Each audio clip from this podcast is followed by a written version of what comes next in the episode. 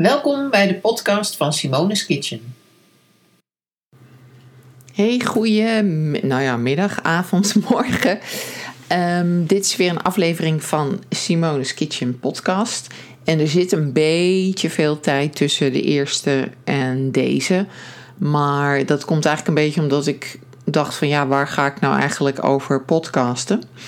En uh, ik heb besloten dat het vooral over uh, gezondheid gaat. Dus hoe zorg je ervoor dat je uh, gezonder wordt, zeg maar. En dat kan echt uh, heel erg uitlopend zijn van interviews met mensen die iets met, met gezondheid te maken hebben. Dokters, um, health coaches, nou ja, you name it. Maar ook leveranciers die specifieke producten maken. En nou ja, dat. En hoe het zich verder gaat ontwikkelen, dat is voor mij ook nog een klein beetje een uh, verrassing. Maar dat is uh, hoe het er nu uh, uitziet. En ik dacht van, nou ja, als ik dan toch over gezondheid ga praten, dan is het misschien handig om jullie eerst te vertellen hoe ik in hemelsnaam überhaupt van foodblogger naar meer gezondheidsblogger ben gegaan.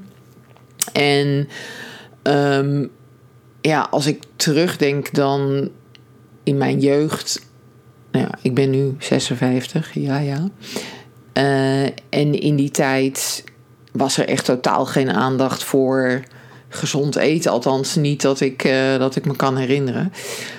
Um, liters, uh, hoe heet het, frisdrank gingen naar binnen. Nou, mijn moeder had echt een bloedhekel aan koken. Dus dat was eigenlijk elke dag van de week was het hetzelfde. Dus elke woensdag hadden we gehaktdag, elke vrijdag hadden we macaroni, elke zaterdag hadden we soep met brood.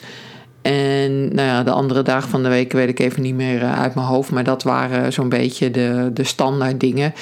En een van de culinaire hoogtepunten van mijn moeders kookkunst was rijst met suiker en rozijnen. Nou, dat was zo'n zo'n beetje de, de, mijn uh, culinaire opvoeding, zeg maar. En nou ja, op zich weet je, ik had niet echt uh, gezondheidsproblemen totdat ik ergens, ik denk dat ik een jaar 15 was toen bij mij uh, eczeem begon. En ja, dat werd eigenlijk ja, steeds erger. Totdat ik, ik ben, toen ik 18 was, ben ik op mezelf gaan wonen. Ik, ik ging toen de verpleging in. En ik woonde in de zusterflat in die tijd. En um, ja, die eczeem die was tot dat moment eigenlijk vooral op plekken waar het niet meteen heel zichtbaar was. Dus het was um, uh, op mijn ellebogen, uh, in de holtes van mijn knieën, in de holtes van mijn liezen. Nou ja, dat soort plekken. Dus overal waar het lekker warm en, uh, en een beetje broeierig wordt. En Um, op een gegeven moment, nee, ik was toen al weg in de verpleging, dus ik werkte op een bank.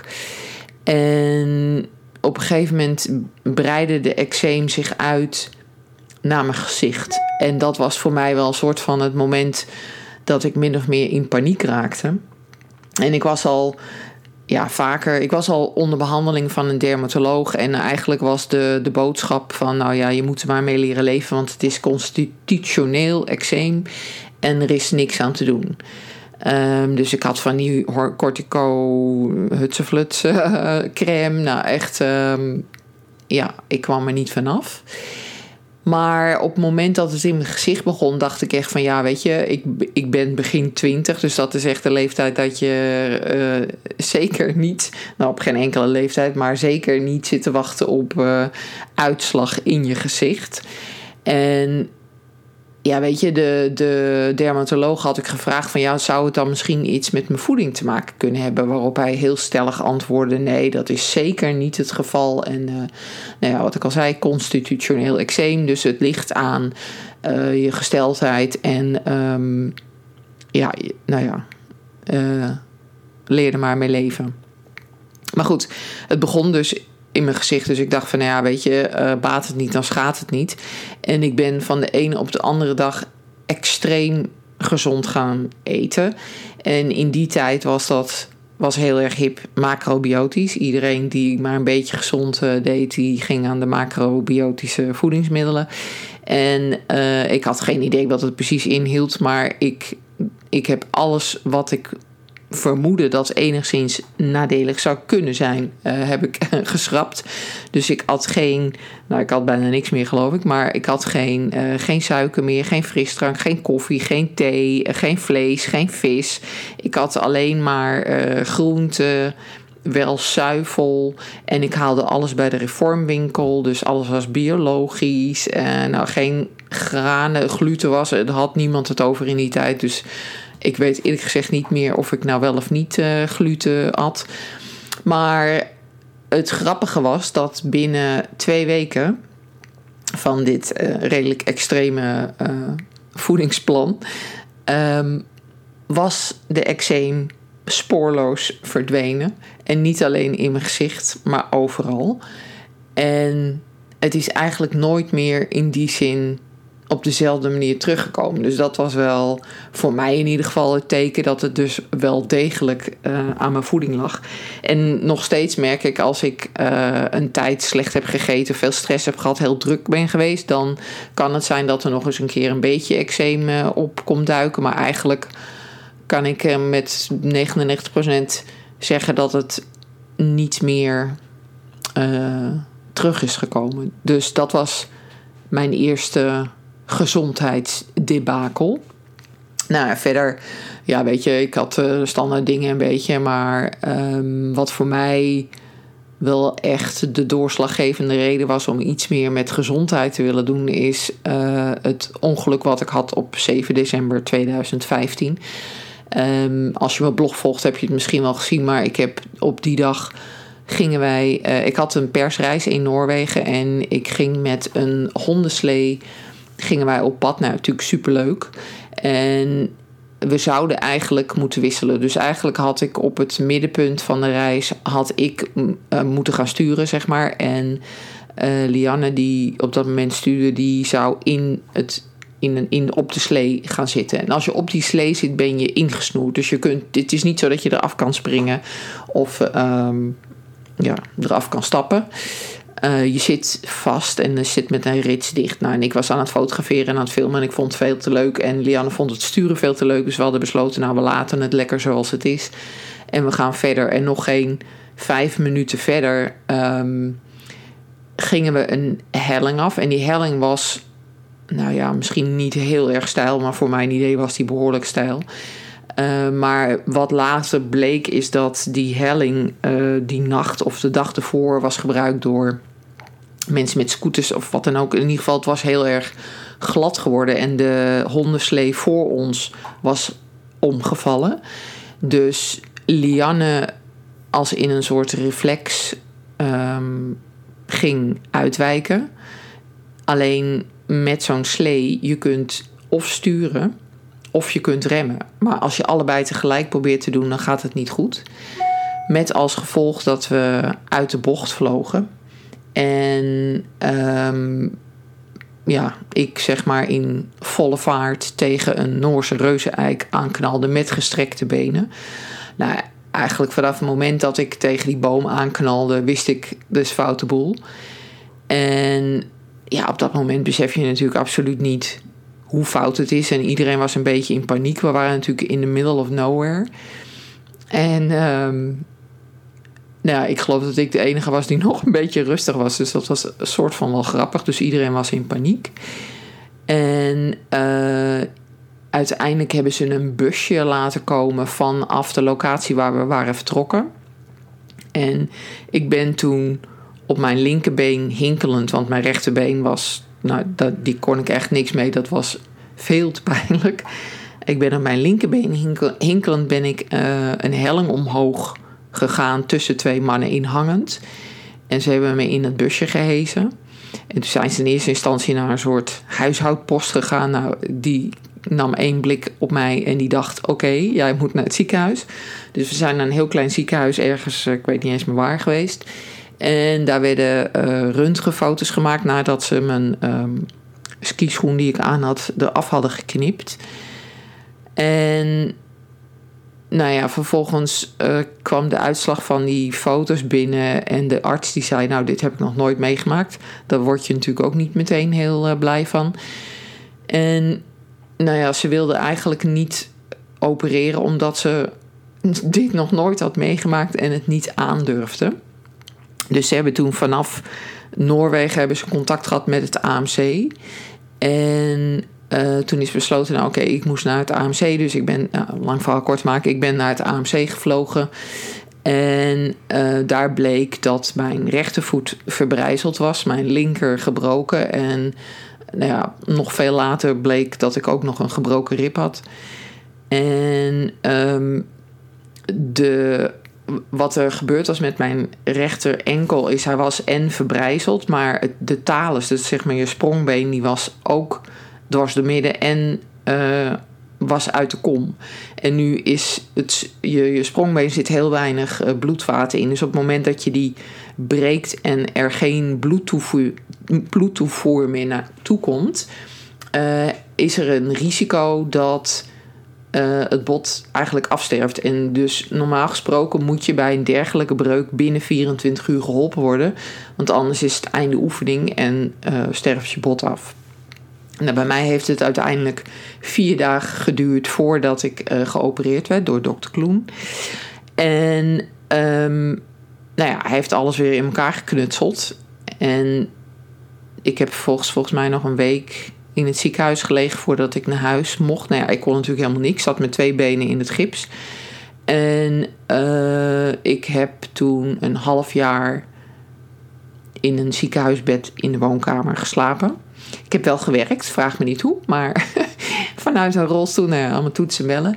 En um, de prognose op dat moment was dat ik naar alle waarschijnlijkheid met een 95% zekerheid uh, zou mijn bot afsterven. Doordat uh, het bot uit de kom was geweest en doordat het te lang heeft geduurd voordat ik geopereerd werd en doordat er een behoorlijk gecompliceerde breuk was.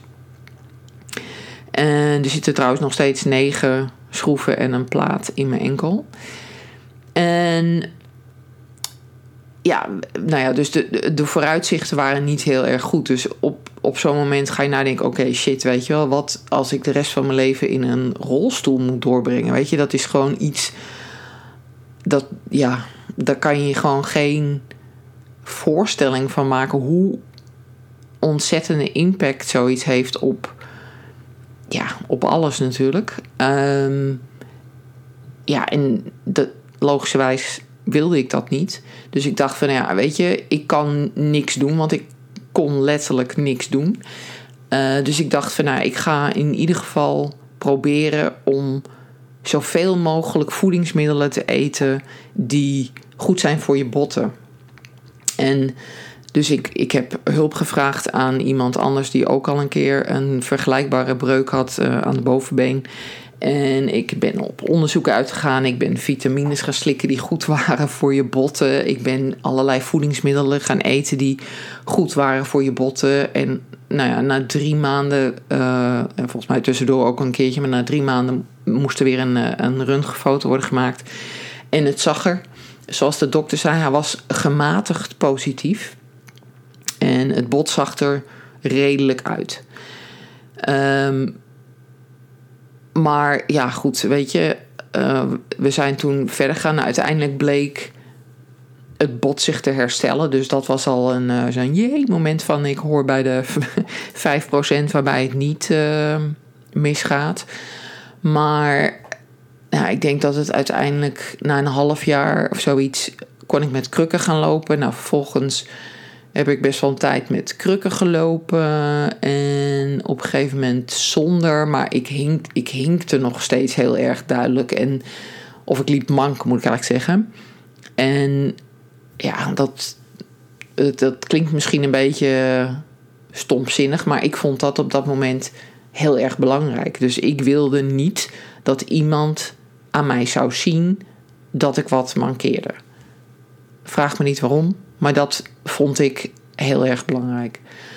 Dus uh, ik denk na anderhalf jaar of zo, hadden we besloten, ik was natuurlijk ook best wel aangekomen, want ja, je voelt jezelf zielig, dus ga je dingen eten. Mensen nemen allerlei lekkere dingen voor je mee, ja, ter compensatie. En ik was toen wel al bezig met trainen, dus ik had wel al een personal trainer. Uh, om te, in ieder geval te zorgen dat de, het verlies aan spierkracht, wat je na een half jaar in bed uh, nogal behoorlijk hebt, om dat weer een beetje op peil te brengen. En op dat moment besloten wij om een Whole 30 te doen. En een Whole 30 voor iedereen die dat niet weet, is een 30 dagen reset. Waarbij je 30 dagen lang, nou zeg maar even extreem gezond eet. Dus je eet geen suiker, geen alcohol, geen peulvruchten, geen granen, geen zuivel. En geen suiker, had ik dat al gezegd. Nou, in ieder geval, dat laat je allemaal weg. Dus het enige wat je eet is groente, fruit, noten, zaden, vlees en vis. En dan het liefst vlees en vis van biologische oorsprong of wild gevangen. Even afhankelijk van wat je kan betalen. En dit zijn van die dingen die je dan niet meteen door hebt. Maar na 30 dagen bleek ik in één keer te kunnen lopen zonder te hinken. En ik voelde me sowieso beter. Ik was de nodige kilo's kwijt, dus dat zal waarschijnlijk ook meegeholpen hebben. Maar uh, het bleek dus dat de, nou ja, hoe mijn enkel functioneerde voor een heel groot gedeelte afhankelijk was en is van wat ik in mijn mond stop. En natuurlijk is het niet heel erg zwart-wit. Dus het is niet zo dat als ik uh, morgen een cupcake eet, dat ik dan de volgende dag hink. En het was ook niet zo dat ik na dag één in één keer als bij een wonder zonder uh, mankementen liep. Maar het, het werkt wel degelijk heel erg mee. En ja, of het zo is, weet ik natuurlijk niet. Het zijn altijd van die, van die dingen die je eigenlijk nooit zeker weet. Maar ik denk dat uh, de focus op mijn voeding tijdens nou, maanden en jaren dat ik nu uh, sinds het ongeluk zit, dat dat wel degelijk heeft meegeholpen aan het herstel van mijn bot en aan het feit dat ik dus gewoon kan lopen in plaats van in een rolstoel zit. Dus nou ja, dus um, ik denk na een jaar na het ongeluk of zo ben ik met mijn eerste opleiding begonnen. Dat was natuurvoedingsadviseur. En in plaats van dat die ene opleiding mij dan genoeg informatie gaf, wekt het alleen maar meer mijn nieuwsgierigheid. nieuwsgierigheid weet je, wat kan voeding voor je doen? En ik denk, um, zeker als je kijkt naar onze huidige maatschappij en de manier waarop er met voeding wordt omgegaan, denk ik dat er nog heel veel winst is te behalen. En weet je, als het, als het even kan, wil ik graag mensen helpen om daarin meer verantwoorde keuzes te maken. Dus waar moet je op letten en hoe doe je het? En nou ja, dat soort dingen. Dus, uh, nou, dat is een heel lang verhaal, geloof ik. Maar dat is een beetje um, ja, mijn insteek. En ik, ga, ik heb al een aantal interviews op de planning staan. Onder andere met Brenda, die Whole 30 coach is. Uh, ik wil een leverancier die uh, kruiden maakt, wil ik gaan interviewen. En nou, ik heb nog wel meer ideeën, maar ik moet het mensen nog vragen. Dus ik zal, ik zal het nog niet uh, vertellen. Maar als je zelf dingen hebt die je graag wilt horen, of onderwerpen waar je meer over wil weten, dan let me know. En wie weet kunnen we daaraan voldoen.